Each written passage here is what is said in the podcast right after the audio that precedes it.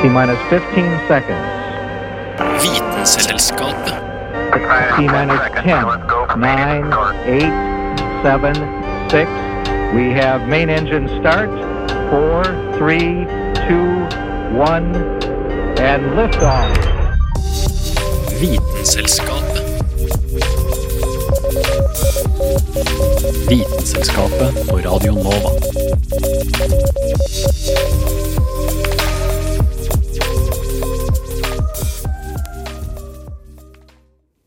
Vi kan vel alle være enige om at denne tiden på året ikke er veldig kul.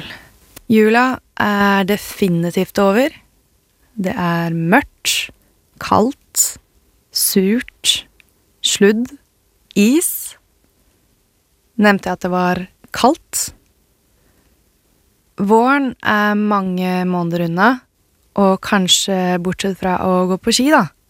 Om du er en sånn type utelivsmenneske, så er det vel ikke så mye å finne på om dagen. Så er det vel ikke så mye å finne på nå om dagen. De fleste av oss, oss andre i hvert fall, som foretrekker en litt annen form for uteliv, holder vi oss vel inne så mye av tiden som mulig.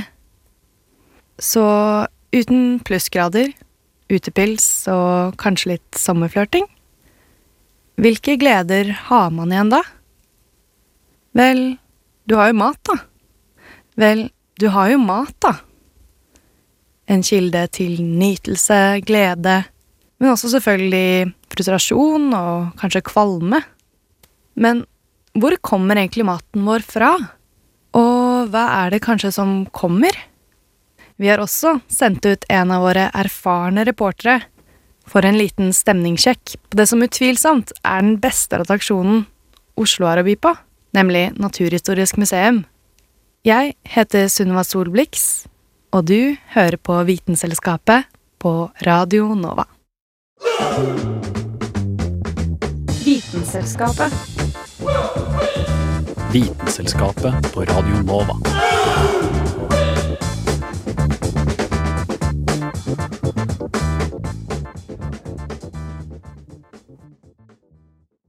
Vitenselskapet er i dag vertskap for en helt spesiell begivenhet.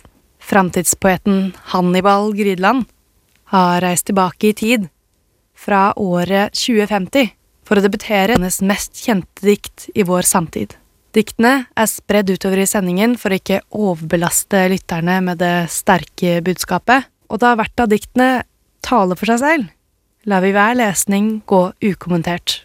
Det første diktet i serien kommer nå, og kalles Ode til kakaobønnen.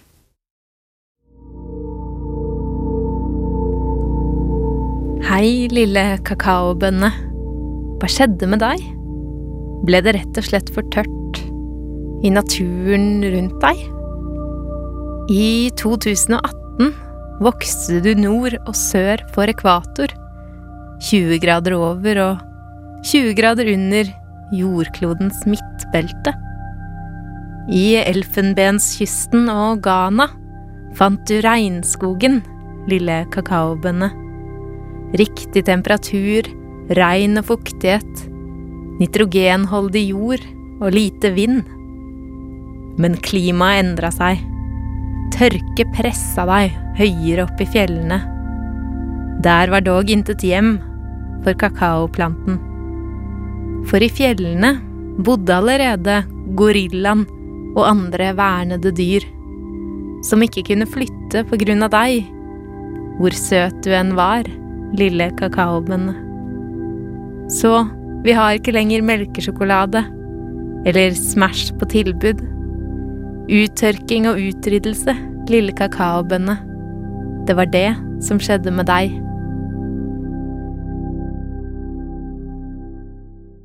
Det har skjedd en revolusjon i frukt- og grønnsaksdisken.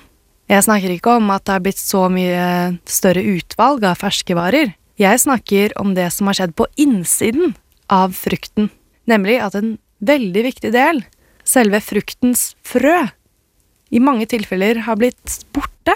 Men hvordan kan det ha seg at man klarer å produsere frukt og grønnsaker som egentlig er sterile? Druer. Jeg husker i gamle dager, da druene alltid hadde sånne store frø som alltid smakte så utrolig bittert, så man eh, prøvde å unngå å tygge på dem. Men så tygde man alltid på dem allikevel, fordi en drue jo er temmelig liten, så det var nesten umulig å bomme på steinen. Dette betyr selvsagt at jeg er veldig gammel, for nå er det en stund siden druer uten frø ble mye mer vanlig enn de gode, gamle frøete druene.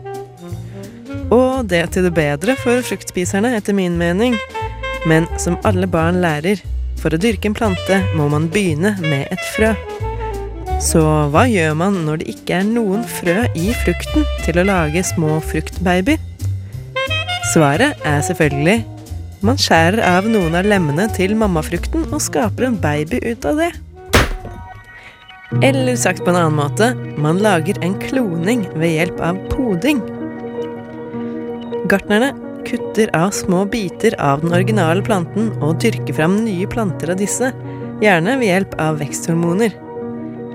Hvis den originale planten hadde frøløse druer på seg, som kan oppstå ved en naturlig mutasjon, vil den nye planten også få frøløse druer, fordi den teknisk sett er genetisk lik. Det er veldig fint for forbrukerne, men det må også nevnes at det også gjør at avlingen blir temmelig sårbar. Når alle frukttrærne er genetisk like, kan de i teorien utryddes fullstendig hvis det plutselig skulle komme en sykdom som akkurat den planten tåler dårlig. Det er derfor vi som regel sier yeah, biomangfold! Naturen er nemlig utrolig tilpasningsdyktig, og man kan nesten si oppfinnsom. Nå er det nok lite sannsynlig at naturen var slu nok til å spå at frøløse frukter ville bli så populære at mennesker ville masseprodusere dem. Men for noen planter kan det å kunne produsere frøløse frukter være en fordel. Enkelte planter trenger nemlig ikke å bli befrukta for å sette i gang produksjonen av søte, saftige frukter, og dette fenomenet kalles partenokarpi. I naturen kan frukt uten frø i seg ofte fungere som en slags avledningsmanøver for å unngå at dyr og insekter spiser frøene til planta. Frø er ofte veldig næringsrike og ettertrakta, og ulike planter har forskjellige forsvarsmekanismer for å hindre frøtyveri. Med flere frøløse frukter er sjansen større for at tyvene spiser seg mette på disse og lar de frøfylte fruktene være. Sitrusfrukter f.eks. har ofte en høy grad av partenokarpi, som gjør at de får frukt selv om de ikke blir befrukta. De kan heller ikke befrukte seg selv, så så lenge bøndene planter identiske planter ved siden av hverandre, dvs. Si kloner, vil trærne produsere frukt uten frø. Dette betyr også at hvis du f.eks. finner en klementin med frø i seg, så er det sannsynligvis fordi en frekk liten bie har hatt med seg pollen fra langt borte. Visste du forresten at bananer egentlig har frø? Ville bananer er fulle av masse sorte frø og ser mye mindre appetittlige ut enn de vi kjøper på butikken. Bare google og sjekk selv. Bananer blir frøløse på en helt annen måte enn frukten jeg har snakka om hittil, nemlig ved kromosomubalanse. Bananene vi kjøper er nemlig triploide, dvs. Si at de har tre sett med kromosomer istedenfor to. Dette skjer ved at en av foreldrebananene har to sett med kromosomer, mens den andre foreldrebananen har ett som vanlig. Denne ubalansen i kromosomer gjør at bananen ikke utvikler frø som den egentlig skal. Det er den samme mekanismen som gjør at man kan få frøløse vannmeloner, men det som er spesielt med disse, er at frøløse vannmeloner faktisk kommer fra et frø. Mens triploide bananer kan dyrkes igjen og igjen fra skudd på trestammen, må vannmelonfrøene skapes. Dette gjøres ved hjelp av et stoff som kalles colchisin, som egentlig kommer fra en krokusplante. Når man tilsetter dette direkte på et vannmelonfrø eller plante, skjer det en reaksjon som gjør at antallet kromosomer dobles. Deretter kan denne doble planten pares med normal plante med ett kromosomsett. Og voilà! Triploide frø dannes, og frøløse vannmeloner kan vokse fram. Det høres for så vidt ganske slitsomt ut å måtte gjenta denne prosessen for hver generasjon med vannmeloner, Og om vi skal være helt ærlige her, er ikke de sorte steinene egentlig en ganske ikonisk del av denne mye avbildede frukten?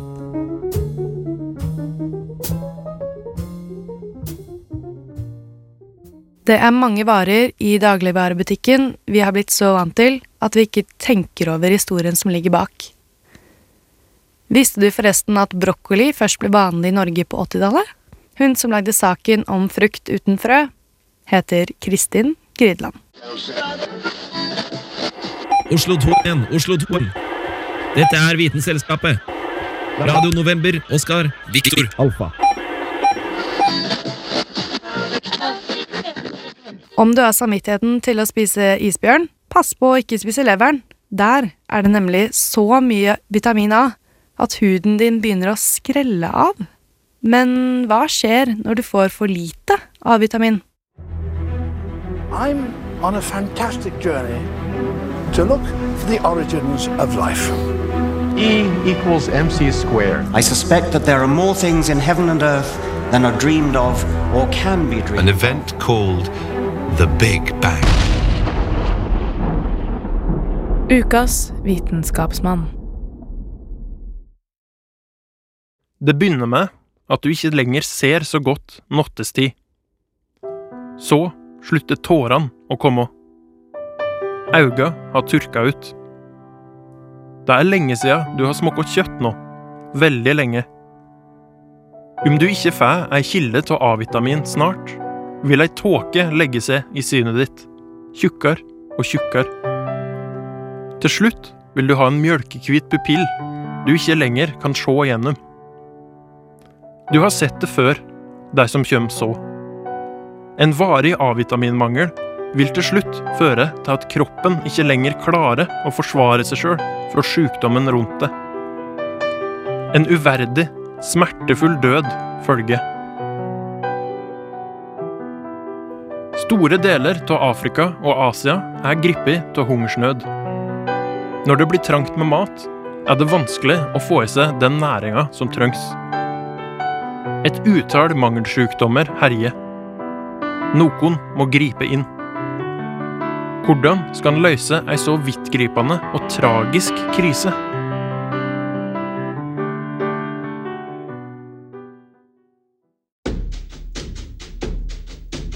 New York, 1984.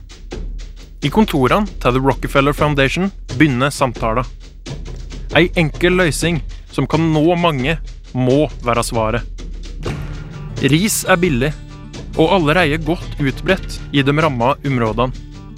Her er det potensialet. Turen må gå til Filippinene og IRRI, The International Rice Research Institute. Hvordan skape en superris? Risen vår er allerede på sett og vis en superris. Avla fram gjennom generasjoner. Avl er en måte å videre forbære risen, men hungersnøden er her og nå. Den raskeste løsninga må være å endre genene til risen direkte. Forslaget blir møtt med motstand på IRRI. Genmodifiserte organismer, GMO, er fremdeles i sin barndom. Hva følger vil oss få? Kan det være verdt risikoen? Diskusjonen utvikler seg til spørsmålet om hva slags gen en ville putta inn om en kunne. Peter Jennings, ei legende i avlsmiljøet, har en idé. Gul frøkvite. En gyllen ris. Men hvorfor? Fordi gult signaliserer innhold av betakaroten, og dermed ei kilde til A-vitamin. Særlig blant unger og gravide er mangel på stoffet utbredt. Å hjelpe disse er et verdig mål. Forskninga kommer i gang, og etter årevis med forsøk kommer gjennombruddet. Ingo Potrukus, Peter Burkhardt og et helt lag med forskere finner i 1999 ut hvordan å logge denne gylne risen. Få år seinere møter verden en enda mer vitaminrik variant. Fra her er det arbeid med testing, produksjon og få risen ut til dem som trenger den mest. Prosjektet er pågående den dag i dag. Ukas vitenskapsmann er samarbeid. Samarbeidet i forskningsmiljøet for en bedre verden. Samme hvor imponerende ei vitenskapelig nyvinning gyllen ris er, det fins motstand. Greenpeace er offisielt imot ideen. Føre var-prinsippet, å ikke introdusere naturen for noe vi ikke helt vet følgene av, er viktig å ta i betraktning. Men Gyllen ris har blitt en posterboy for hva GMO kan utrette. De tre bokstavene er skremmende for mange, men ikke avfei et stort potensial for menneskeheten. Oss må alle møtes og ta debatten på alvor.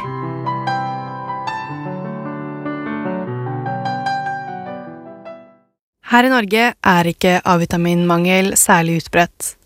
Likevel er beta-karoten et populært supplement. Det kan være fordi kroppen gjør stoffet om til A-vitamin, som gjør at du blir brun raskere. Men man bør være forsiktig. Et overinntak av beta-karoten fører til karotenose. Da blir huden gul i stedet for brun. Og hvem vil egentlig se ut som en gulrot? En gang svømte dere lykkelige rundt, perfekt tilpasset vanntemperaturen. Nå har vi mer plast enn fisk i havet. Det ble varmere og varmere. Dere nærma dere tålegrensa. Først forsvant de tropiske fiskene og ferskvannsfisken. Så resten. Migrering til kaldere strøk ga et kort pusterom. Men parasitter trives bedre i varmt vann, og nye arter trua gamle. Økt CO2-nivå i havet ga surere vann. Skalldyrene slet med å forme skall. Korallene bleknet. Fisker, dere var for trege til å reagere. Lavere pH endra dere. Endra neurotransmittoren i hjernen. Endra oppførselen deres. Dere begynte å miste luktesans. Oppfatte mindre. Ble lette bytter. Dere ble bytte for varmere vann, fisker. For mer CO2 og plast og olje. Dere ble ofre for oss.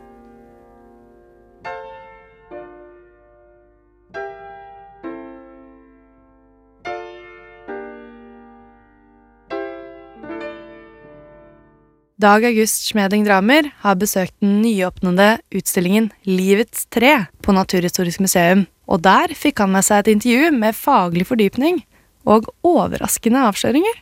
Nå har vi nettopp vært på Livets tre-utstillingen, som er en ny utstilling på Naturhistorisk museum. Og vi kan egentlig bare begynne med navn og, og stilling og ta utstillingen derfra.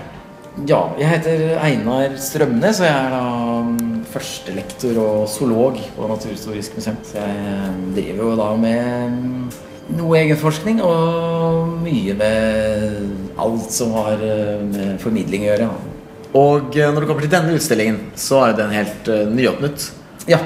Du har vært med på å planlegge den, og Ja, til dels. Ja, det er jo stort teamarbeid, da, selvfølgelig. Ja. Så mm, det er jo en mer sånn paleontologisk profil på den, så det er jo da mer enda mer paleontologene som har vært tungt inne her. Ja.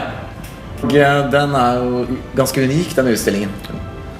Og ja. det er jo fordi Ja, den er jo en sånn såkalt dekonstruerende utstilling. Dekonstruert utstilling. Den gjør det motsatte av det man vanligvis gjør på den type evolusjonsutstillinger. Da, at man begynner på starten og går uh, fremover i tid. Opp til, uh, til nåtid, gjerne. Uh, så her begynner man jo da i nåtid når man kommer inn i utstillingshallen, og så går man bakover i tid. Mm. og så er det da altså litt nytt grep at det er sånne ikoner eller symboler på greinene som er litt sånn stiliserte bilder av, av noen av de litt større revolusjonene i særlig da dyrenes uh, utvikling. Uh, dette med å få veldig stor hjerne og bli jevnvarm og begynne å få egg med skall, uh, f.eks. Eller den type ting. da. Og så er det disse modellene. Noen av dem er jo nydelige. Og har ikke Arkeopteryx-modellen vunnet en pris? av Jo, jo, jo. Det er eh, en modell som er helt state of the art. Altså det er, eh, det er den fineste, mest nøyaktige som fins ja, i verden. det må jeg si. Det ser jo helt ut som eh, så å si levende live. Det mangler bare at den beveger seg, så er det nesten en eh, Ja, ikke sant? Ja, absolutt. Så det er et, eh, det er et spesialfirma i København faktisk som heter eh, Ten Tons, eller Ti Tons, som, eh, som er blitt veldig veldig flinke til å lage eh, rekonstruksjoner. Og da bruker de Hva slags materiale bruker de? Og de, de state of the art research for å finne ut nøyaktig hvor det skal være hud, hvor det skal være hår Mm. osv. Ja, de bruker jo alt til, tilgjengelig det siste av eh, forskning på paleontologi da, for å, for å få, få det beste. Og så bruker jo det beste som er eh, av, av eh, materialer for å få det frem. Så det er veldig, veldig bra.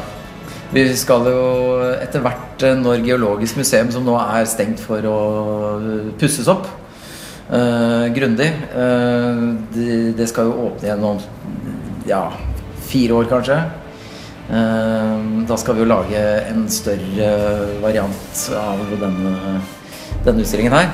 Ja. Eh, der borte på Geologisk museum. Det er det som er planen, ja. Ja, og da, da kommer det også Skal det jo bli mer modeller fra Tentons. eh, Så det mm, gleder vi oss til. Blant annet eh, primater. Mm. Sånn som oss. Mer, Mer fokus på oss. Ja, ja det, blir, mm, det blir en egen utstilling på menneskets evolusjon. da Mm. Eh, I tillegg til det vi nå har sett eh, av eh, fra livets eh, opprinnelse til helt til og med oss, så blir det enda mer fokus på de mange leddene som førte til oss Homo sapiens. Ja, ja så det, det, det blir vel da seks uh, sånne hovedtemaer. Uh, og så blir ett av de blir menneskets evolusjon. Så det blir, det blir Ja. en god del mer eh, fokus på, på den biten der sånn. Og der er det jo nye oppdagelser og teorier hele tiden. Ja, ja, det er jo et uh, felt som forandrer seg fort. Altså, det, var jo nå helt Det ble jo offentliggjort senest i går. Eh, nytt funn fra Israel, f.eks. Ja. som, som da drar eh, eh, menneskets eh, liksom ekspansjon eh, nordover eh, tilbake eh, rundt 50 000 år i hvert fall. Eh, som ligger som dette nye funnet fra en hule der i Karmelfjellene. Eh, Israel eh, var jo Ja, det er jo en sånn usikkerhetsmargin der med sånn ca. 180 000 år. Mm. Mens tidligere funnene har vært eh, kanskje rundt 120 000 eh, år på de eh, første eh, sapiens-menneskene som er oss. Ja. Som har vært i det området så langt nord. Så det, tidslinjen har, eh, merker man en tendens til å bli dratt lenger og lenger tilbake.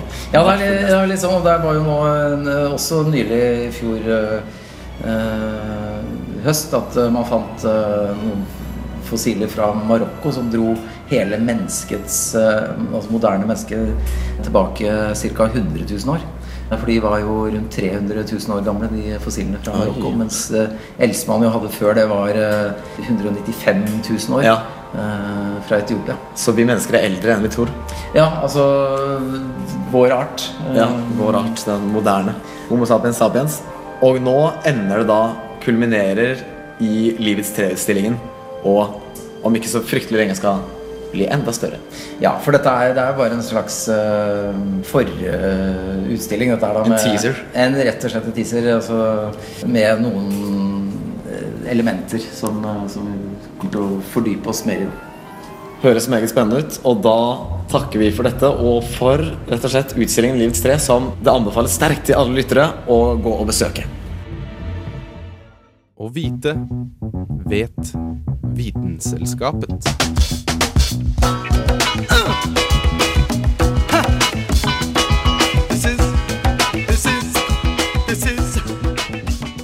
Hunden er vår beste venn. Kua gir oss melk, smør og ost. Og det gjør også geita. Og vi får spekeskinke fra sauen.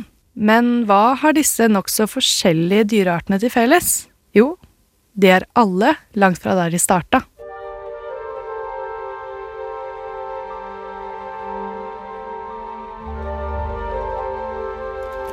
Vi er gode på å fekkel, vi mennesker. Vi fikler og fekler og fikser. I dag fikler mange med computerchips, iPader eller Samsung-telefoner, og for 100 år siden satt Tesla og Edison med radio og dødsstråler. Men hvis vi går enda lenger tilbake, så begynte vi mennesker å fikle med skaperverket itself. Og ja, vi driver fortsatt på, men for å komme inn i kjøttet av kyllingbeinet her, så må vi gå tusener av år tilbake, til begynnelsen. For langt, langt tilbake fantes det ingen Tine eller Gilde, og det fantes ikke engang gårder. Alt som var, var mennesket ute i naturen, blant fisker og bier og fugler og kvest. De jakta og sanka, og det var egentlig det. Men rundt dem gikk altså disse dyrene som ble jakta på, og de andre jegerne, som var jo det vi også var sjøl. Det var da en person tenkte ut noe lurt. Kanskje man kunne fikle og fikse litt med disse dyrene i skogen, slik at man kunne få enda mer nytte av dem og ta litt kontroll.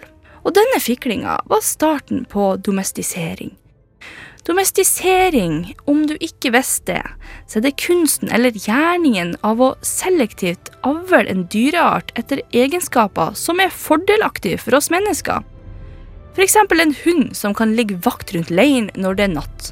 Men denne hunden kan jo selvsagt ikke være til fare for menneskene som ligger i leiren, så den må være menneskevennlig. Her er det viktig med en gang å skille mellom to ting som man ikke blir forvirra, nemlig domestisering og temming. Et vilt dyr kan bli temma, men ikke nødvendigvis domestisert. Temming er å gjøre et vilt dyr som normalt vil vært forsiktig og redd for oss mennesker, til å være vant til at vi er i nærheten. Gjennom domestisering endrer man selve genet til dyret slik at det ender opp som et helt annet dyr enn der det starta. Man kan f.eks. temme både løver og elefanter, men disse to er prima eksempler på dyrearter det ikke er mulig å domestisere. Så er jo spørsmålet Hvorfor kan ikke alle dyreartene bli domestisert? Vi kan ta utgangspunktet i fire til fem punkter for å vurdere om det er mulig å domestisere et dyr. Først og fremst, dyret må enten kunne leve av matrester fra mennesker, som f.eks.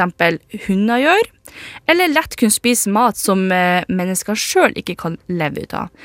F.eks. kuer og sauer som spiser gress. Vi elsker det i sin ubehandlede form, som er virkelig ubrukelig for oss mennesker, men det er jo for så vidt veldig nyttig å få det trimma. Eh, de må vokse fortere enn hos mennesker. Skal man f.eks. For forsøke å domestisere en elefant, blir hele poenget borte. For det tar så lang tid før de blir nyttige, enten som mat eller arbeidskraft.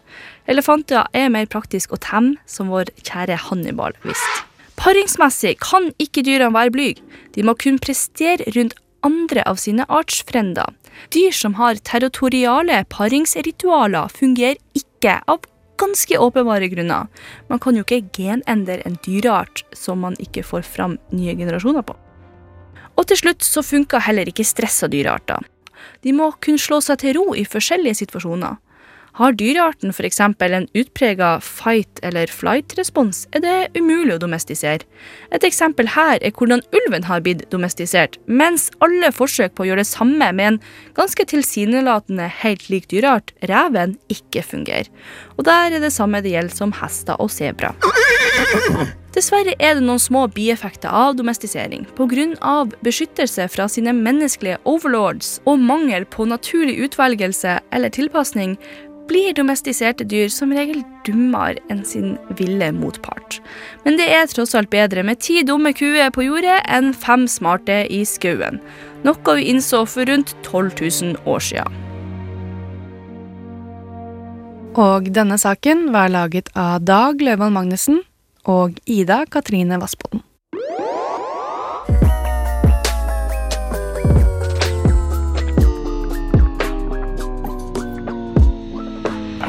Vitenselskapet. Og det var det vi rakk for i dag.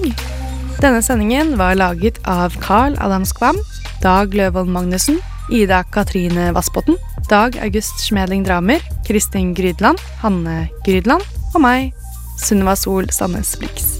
Vitenselskapet er tilbake neste uke. Vi høres. Vitenselskapet. Lyssna istället till Radio Nova.